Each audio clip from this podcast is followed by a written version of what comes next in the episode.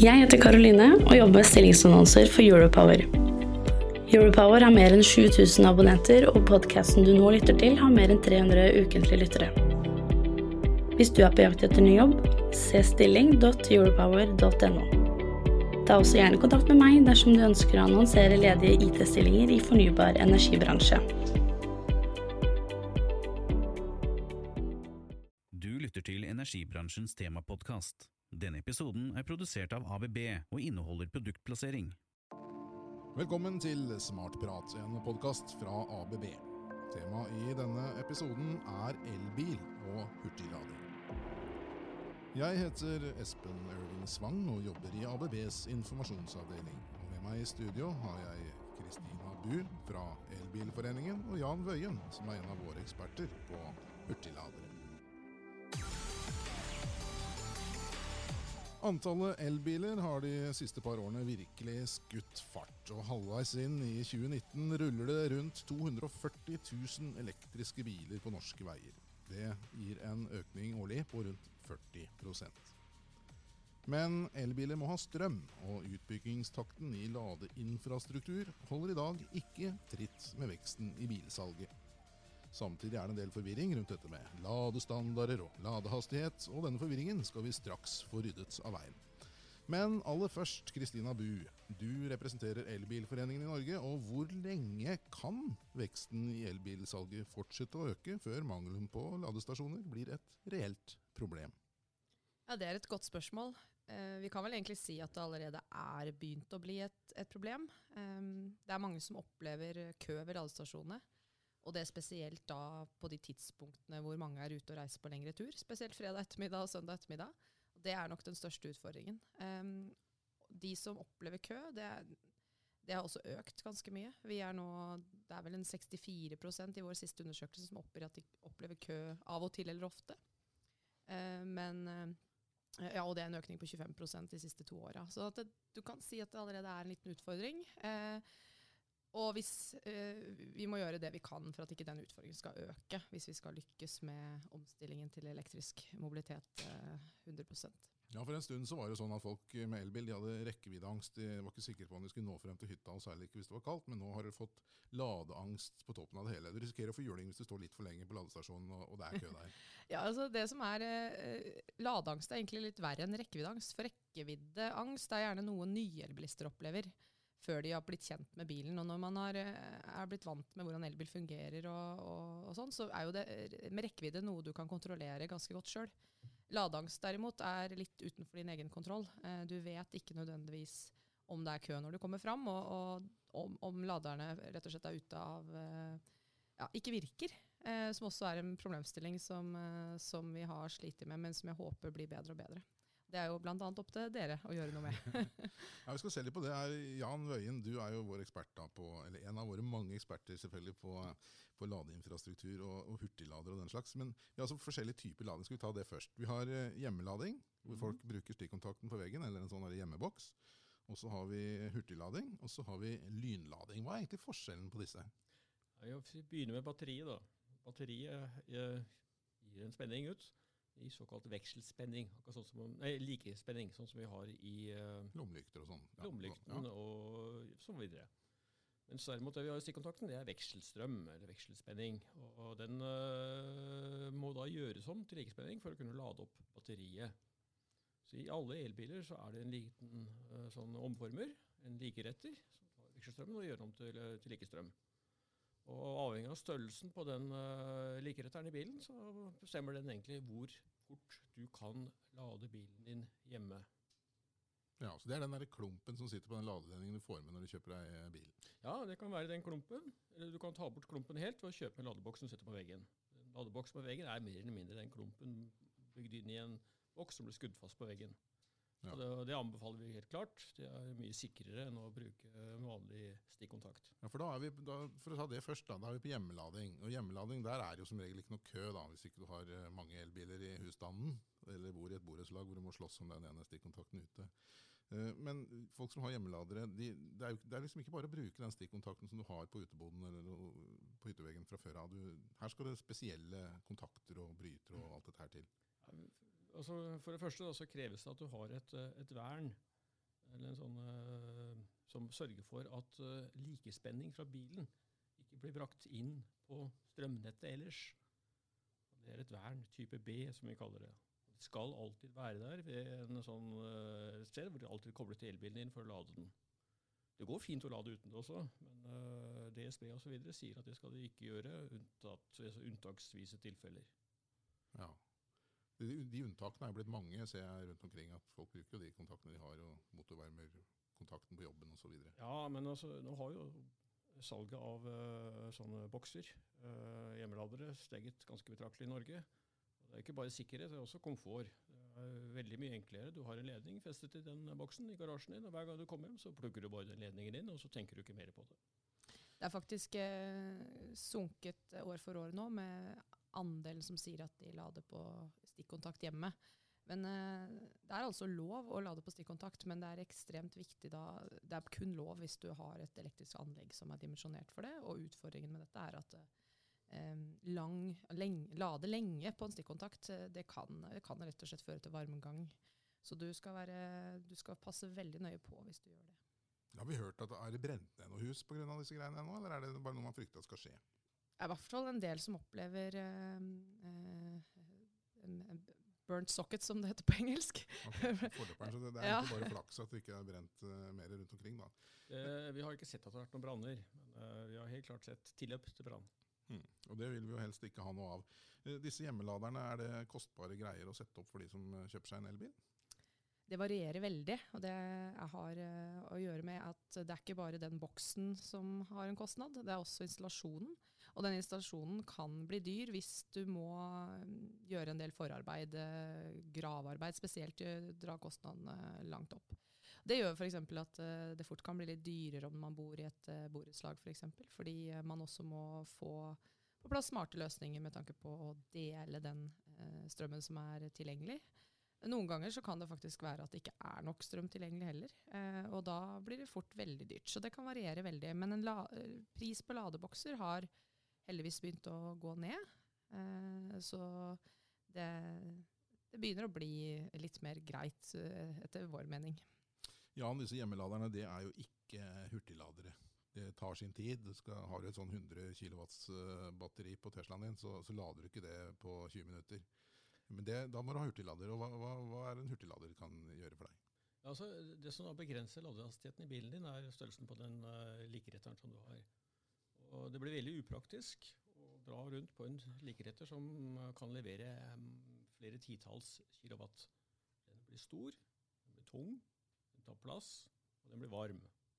Så koster den penger. Alle de momentene jeg nevnte nå, er noe av det verste bilprodusenter vet om, så de ønsker ikke det i det hele tatt. Da er det en bedre løsning å heller sette denne, denne likeretteren langs veien, og så la flere biler bruke den samme likeretteren, istedenfor at hver kommer med sin. Det er da en hurtiglader. De første hurtigladerne som eh, kom, var eh, 50 kW. Det var regnet ut, og typisk batteristørrelse den gangen, at det ville ta ca. 15 minutter å fylle batteriet opp til ca. 80 og Ut fra det japanske mottoet 'la oss ta en kopp kaffe'. Hvor lang tid skal en kaffekopp ta? Ja, 15 minutter. Ja, Da sier vi 50 kW. Det er sånn 50 kW ble til. Hmm. Og Det er de første hurtigladerne, og det er det, de vi har klart mest av i Norge i dag. Og så da etter hvert som batteriene vokser mer og mer og altså Da Mitsubishi iMUV kom, så var det kanskje 15 kWt som var uh, størrelsen på batteriet. Nå snakker vi om uh, 90-100 kWt på de nye store, store, bilene med mye mye lengre rekke, rekkevidde. Og da begynner det igjen å ta lang tid med 50 kW. Så da ser vi at nå går uh, ladeeffekten opp videre. Så neste steg opp er 150 kW. Og det greier vi å håndtere uh, sånn noenlunde greit. Uh, husk på at dette her er du og jeg som skal lade, det er ikke elektrikeren som skal lade bilen for deg. Men hvis det går over 150 kW, så, så, skjer det at kabelen må være veldig tykk for å kunne ta all denne strømmen. Så For å kunne gjøre kabelen såpass tynn at du og jeg greier å håndtere den, så må vi da introdusere en væskekjølt kabel. Ja, så da, da har man altså vannkjøling i den der, det som vi i gamle dager kalte bensinslangen da, på Ja. pumpa. Ja, Ja. ja. Og så får du en stor og tung og uhåndterbar kabel som du må dytte inn i bilen din. Ja, Den er jo håndterlig, håndterbar opp til en sånn ja, si 300 kW, da, så tre, kanskje litt høyere. Men eh, når vi snakker om 300 kW, det er jo ingen biler som klarer å lade med full effekt. I hvert fall ikke av de som ruller rundt på veiene i dag. Nei, det er det ikke. Det er knapt noen biler som greier å lade på 150 kW. Det er noen som greier på 100. Det finnes én i dag som kan lade på 150 kW. Mye av dette skyldes uh, batteriet også. Uh, batteriet har en kjemi som, tillater, som bestemmer egentlig hvor fort du kan lade batteriet. Og, så Det er også en, en ting å, å, veie opp. da. Ja, for der har, der har, bilfabrikantene lagt inn begrensninger for at ikke batteriet skal bli overbelastet. Ja, Det har egentlig med kjemisammensetningen å gjøre. Hvor mye effekt den skal levere over en tidsenhet, hvor energi den skal lagre og hva slags profil man ønsker sånn ytelsesmessig på batteriet. Det kan også være med på å bestemme hvor fort batteriet kan lades opp.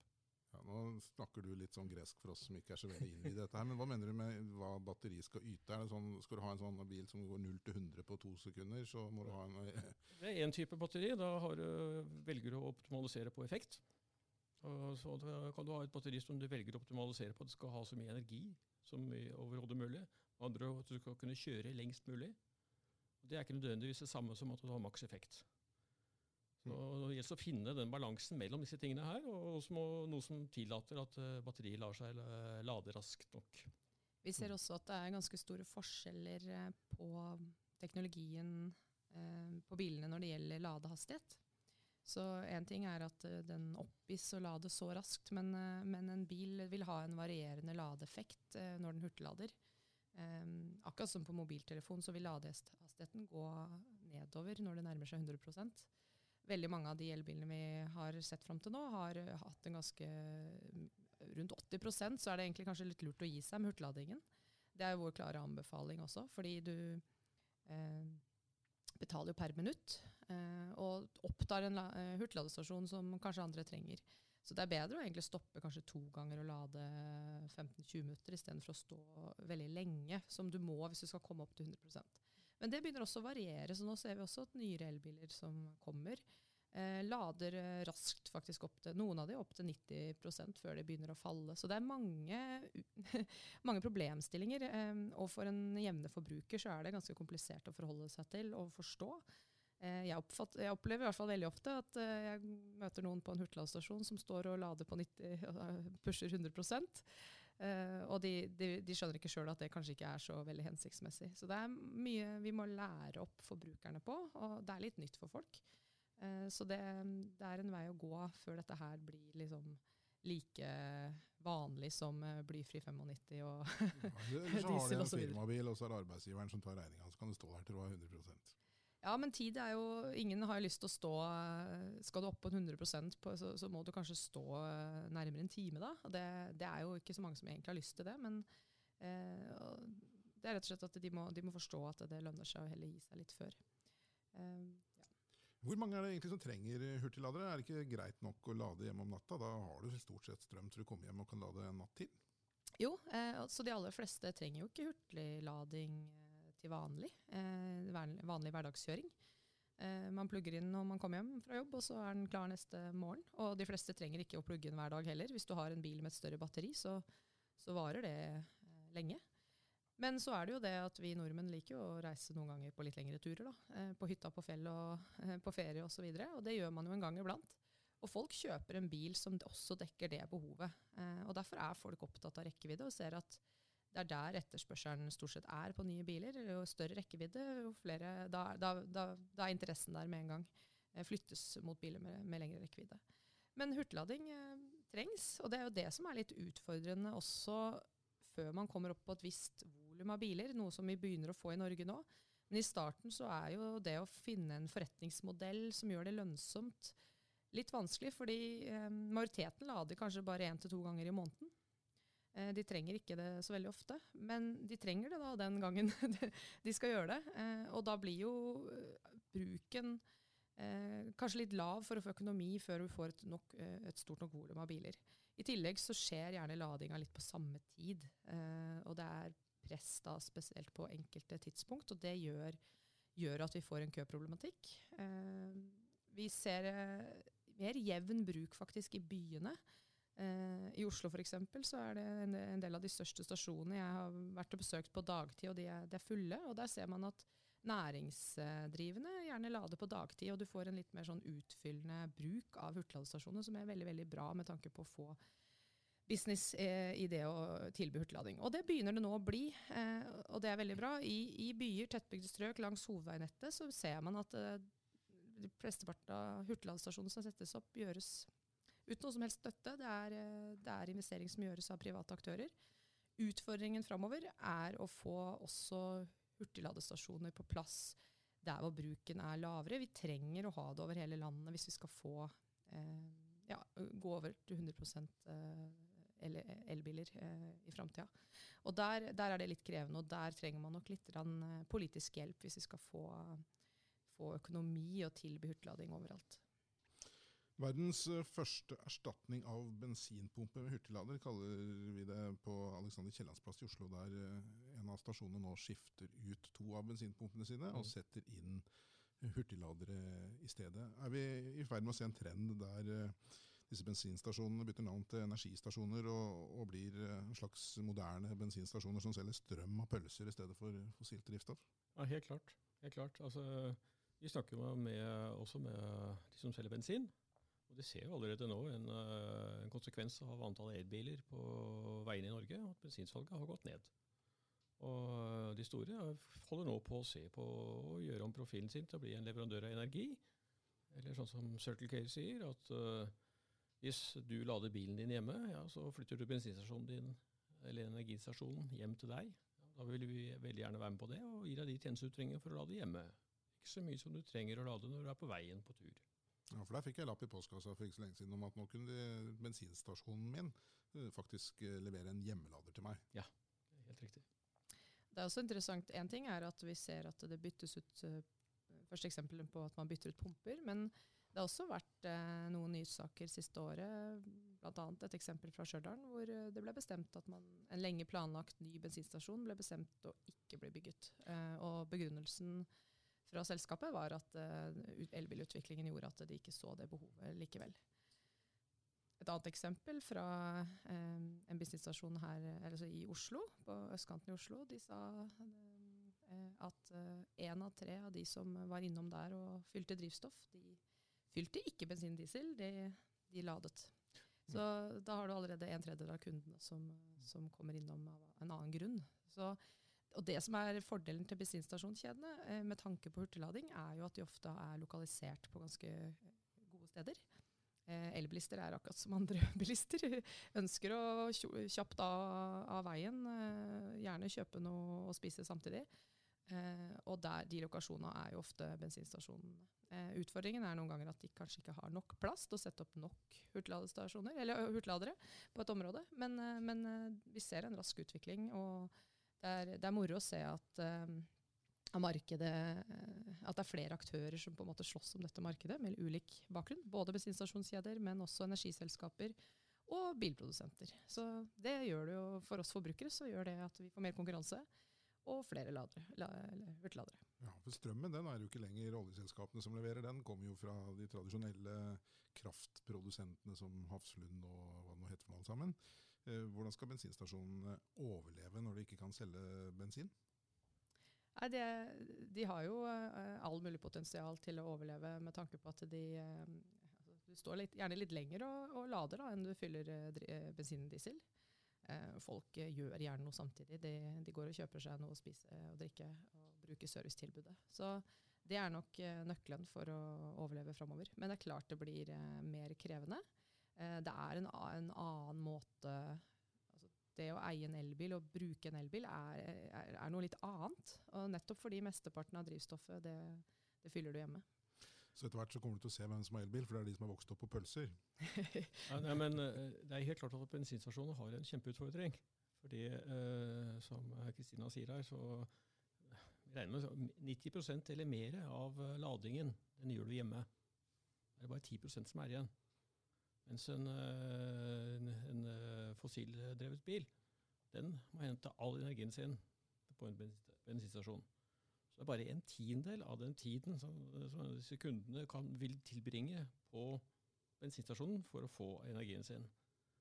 det vil bli mindre interaksjon, for vi kommer ikke innom der så ofte. Og Det kan igjen bety at vi får enda færre bensinstasjoner i Norge nå. I dag er det 1600 bensinstasjoner. Det kan godt hende at det kommer til å gå ytterligere ned. Og disse 1600 bensinstasjonene selger omtrent en milliard liter bensin i året, og det, det blir borte, det da? Ja, nei, altså Nå er det jo 2,7 millioner biler i Norge. Så det tar mer enn uh, to-tre år å bytte ut en hel bilpark på 2,7 millioner. Men målsettingen er jo at fra 2025 så skal det kun selges eh, utslippsfrie biler i Norge. Da går det 10-15 år, og så er bensinbilene borte fra veiene? Tar nok litt mer enn det, skjønner du. Det, det, går nok ikke så fort. Det, det går an å regne på det. Vi nærmer oss uh, Andelen på vei nå er nærmere 8 uh, eh, Og det høres jo egentlig litt lite ut uh, når vi, vi, hører om de høye salgstallene. 45% av nybilsalget så langt i år er elbiler. Uh, men ja, kun 8% på veien. Så det tar tid å bytte ut bilparken. Og det er jo nettopp derfor det haster å øke andelen i nybilsalget så mye som mulig så fort som mulig raskere vi kommer opp til 100% raskere får vi også byttet ut hele bilparken. Og det er utrolig viktig om vi skal klare å kutte både lokale utslipp, men også klimautslippene. Men jo raskere vi selger flere elbiler, jo flere slagsmål blir det på energistasjonene. Jan, klarer vi å levere de 8000 nye hurtigladerne som må til innen 2025 for å nå et nullsalg av fossilbiler, slik eh, Elbilforeningen mener vi må? Svaret er ja. Hvis vi vil ha 16 000, så kan vi greie det også. Ja, så det, det står ikke på muligheten for å levere disse ladestasjonene med tilhørende infrastruktur. Da. Altså, det, det, holder jo ikke bare å sette opp uh, den elektriske bensinpumpa. Det som tar tid, er, eh, de utbyggerne vi snakker med, det er uh, egentlig hvor fort de greier å få bygd. Uh, utfordringen ligger på å få de rette lokasjonene, som har nok plass, og som har nok strøm tilgjengelig. Men uh, ta Finnmark f.eks. Der har de nok plass, i alle fall. Men uh, de har ikke så mange biler, og, og det er langt imellom uh, bosetningene. er det lønnsomt å bygge? Får man til det der uten å eventuelt ty til politisk regulering? Nei, det, det, er nettopp det som ikke har fungert. Derfor har jo Enova lyst ut, eller har ute et anbud nå. For å få bygd ut i Finnmark. Og heldigvis har de fått tilbud på operatører som ønsker å, å bygge ut. så Eh, nå får vi endelig hurtigladestasjoner også i Finnmark. Eh, og det er nettopp det som er problematikken. I distriktet, og det gjelder ikke bare Finnmark, så er lønnsomheten lav fordi bruken er lav. Eh, og det er mye Dette er litt komplisert, men det er fordi man, en, man har en avgift på å ta ut høy effekt. Og den avgiften er lik uavhengig av hvor mye som lades på, på, på, på hurtigladeren. Og det, det, gjør at lønnsomhet blir vanskelig, og det er nok noe av det vi er mest opptatt av politikerne må se på. Kan vi gjøre, tviste litt på systemet, sånn at det også får lønnsomhet på de områdene hvor det er, er lav bruk, for da vil de kommersielle aktørene også bygge ut der. I Norge på 50-tallet så gjorde vi et sånt krafttak med å bygge ut uh, sånne kortbaneflyplasser langs hele kysten. Fra Vestlandet helt langt opp i nord. Og Det er noe av det viktigste vi gjorde i Norge for å få til eh, transporten. Mesteparten av disse små flyplassene de var ikke lønnsomme. De store, lønnsomme flyplassene fikk da beskjed om at eh, en del av overskuddet skal gå til å drifte de små. Og Jeg tror at man må tenke med noen av de samme modellene for å få til et uh, sånt nasjonalt, godt dekkende hurtigladenettverk. Tilbake litt til dette her med, med å ha et hurtigladenettverk. Hvis vi skal komme opp på et nivå hvor det å, å, å, lade bilen blir like enkelt eh, som det å fylle bensin på bilen eh, Vi snakker om 25 eh, mil på 10 minutter. Hvor langt, vi, hvor langt, unna er vi å få det til i praksis? Det er et vanskelig spørsmål å svare på. Det er litt som Kristina sier. Du kan si at du greier å få en maksimal effekt, så og så mye. Men hvor lenge kan batteriet lade på den maksimale effekten? Dette er veldig avhengig også av uh, batteriteknologien og utviklingen av den. Så, men uh, igjen, uh, det er ingen som er så bekymret for rekkevidde og nok ladehastighet enn de som går og tenker på når de kjører, kjører elbil, men ser alle bekymringene. Når du får bilen, så oppdager du at disse problemene vi diskuterer her nå, de er i praksis mye, mye mindre enn du egentlig trodde på forhånd. Det er veldig sant. Eh, rekkeviddeangst er det de som ikke har elbil, som har, opplever mest. Um, og de som har kjøpt seg elbil, de sier jo veldig ofte at dette var jo mye Hvorfor har jeg ikke gjort det før? Dette var jo mye, mye bedre og, og, greiere enn jeg hadde trodd. Men det er klart at det er noe litt nytt å sette seg inn i. Og det er jo derfor vi eh, også er der for, eh, for elbilistene som en medlemsorganisasjon. Vi har jo eh, over 75 000 medlemmer her i Norge. Og det, vi får utrolig mange henvendelser på telefon og e-post eh, på kundeservice hos oss. Og det handler stort sett om lading eh, og spørsmål rundt det. Eh, og det er ikke så rart, for det, det er litt nytt. Eh, vi har vokst opp med, med pump, pumpe, pumper og, og litere. Eh, og, og, det med kilowatter og kilowattimer og sånne ting er, er noe litt, litt annet for folk å forholde seg til. Men Og så er det også greit å også peke på at vi i den teknologiutviklingen som har vært ganske rask eh, Kanskje ikke nødvendigvis har gjort det enklest for uh, forbrukerne, f.eks. For med tanke på betalingsløsninger og sånne ting eh, når det gjelder lading. Så det er forbedringsbehov fra et forbrukersynspunkt. Vi sa innledningsvis her at vi skulle rydde litt av denne forvirringen rundt eh, ladestandarder av veien. Og vi har noe som heter Shademo, eh, Combined Charging System, eller CSS. da. Mm. Og så har vi noen sånne supercharger fra Tesla, og så har du en Tesla 3, som altså ikke bruker den samme standarden som den store Teslaen. Eh, dette er litt forvirrende for folk, men er det noe man behøver å tenke på i sin elbilhverdag, Kristina?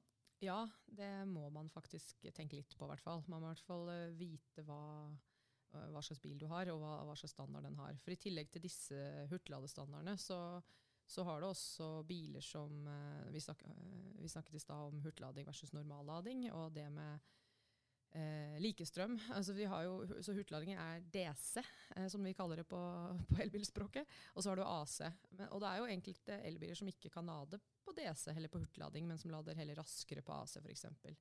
Um, så det er, det er, en del ting å forholde seg til, og jeg opplever ofte at folk uh, syns dette er vanskelig. Så vi har egentlig etterlyst uh, bli, at vi blir enige om et uh, slags kodesystem, uh, et, en fargekode, som sier noe om hastigheten bilen din kan lade på, og, og, hva slags standard den har. Um, en ekstra grunn til det er at når vi nå etter hvert får lynladere som leverer 150 kW oppover, så vil jo disse også koste mer eh, å lade på. Og da er det jo ikke veldig stor eh, Det er ikke noe vits i at uh, du kjører opp der med en, en elbil som maks kan ta 50 kW. Og det ser vi at det er mange som gjør nå, for de tenker å, den 150 den er lynlader og greier, den kjører jeg opp til. Men det hjelper jo ikke det når bilen din ikke kan trekke så mye effekt. Så her er det, det er mye forvirring og en vei å gå før folk forstår dette her. Uh, og jeg tror kanskje vi som jobber med disse tingene, kanskje kan prøve å uh, gjøre det litt enklere for folk, og kanskje bli enige om et, et system, f.eks. Litt det, som at det hjelper ikke at det er 110 km i timen på E18 sørover uh, hvis, hvis du kjører med henger. Hvis high din ikke gjør mer enn 70 uansett. Så kjører med henger. Ja. Eller med henger, ja. ja. Har en politibil foran deg. Helt til slutt, Jan. hvis vi snakker om disse forskjellige ladestandardene, da, og så kjører du opp til en ladestasjon som ABB har levert. Er du da sikker på at du får hurtigladet bilen din fra denne ladestasjonen? Ja, den har én eh, kabel for eh, lading med vekselstrøm. Og så har den to kabler for hurtiglading. ene for eh, Shademo, den andre for Combined Charging Systems. Og Det at vi har to sånne ulike standarder for hurtiglading, er bare tragisk. Men det er igjen et problem når du skal få europeiske bilfabrikanter til å samarbeide med japanske bilfabrikanter, så er det nesten like vanskelig som å få fred i Midtøsten. Og så er det greit å minne om at det er jo faktisk ikke noe forskjell på pumpa. Eh, der har du også ulike pumper, en med diesel og en med blyfri 95, og gjerne en tredje også med 98 eller hva det er nå det siste er. Det er ikke så ofte jeg fyller bensin og diesel lenger. Så det er jo faktisk ikke noe forskjell fra det. Eh, du må fortsatt vite om bilen din tar, eh, går på diesel eller blyfri 95. Det er litt det samme. Du bør vite om hva slags standard din, din bil har. Og så må folk vite at det, Fram til nå i hvert fall, så har man ikke kunnet bruke begge kablene samtidig. Akkurat som på en bensin eller på en pumpe. Men det også mm, kommer det jo noe endring på. Så det, det, det, er, det, er, det er, ikke så lett. Nei, Men uansett så er det i hvert fall enklere å finne riktig ladekontakt enn å uh, fylle nei, det, er lettere å fylle bensin på en dieselbil enn å velge feil ladekontakt, for den passer jo rett og slett ikke. Den passer ganske enkelt ikke. Men derimot så kan du fylle bensin på en dieseltank. Det er helt korrekt. Og det er ikke så smart. Tusen takk for at uh, dere kunne komme. Takk. Denne livlige lyden av biler som suser forbi, den blir altså borte i 2025, i hvert fall på de nyeste bilene. Du har hørt en podkast fra ABB.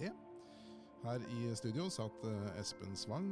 Gjester i dag var Kristina Bu fra Elbilforeningen og Jan Wøien, som er en av våre eksperter på hurtigladere.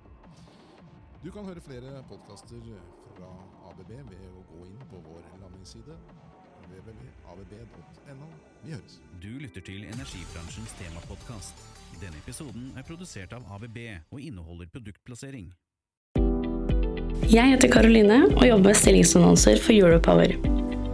Europower har mer enn 7000 abonnenter, og podkasten du nå lytter til, har mer enn 300 ukentlige lyttere. Hvis du er på jakt etter ny jobb, se stilling.europower.no. Ta også gjerne kontakt med meg dersom du ønsker å annonsere ledige IT-stillinger i fornybar energibransje.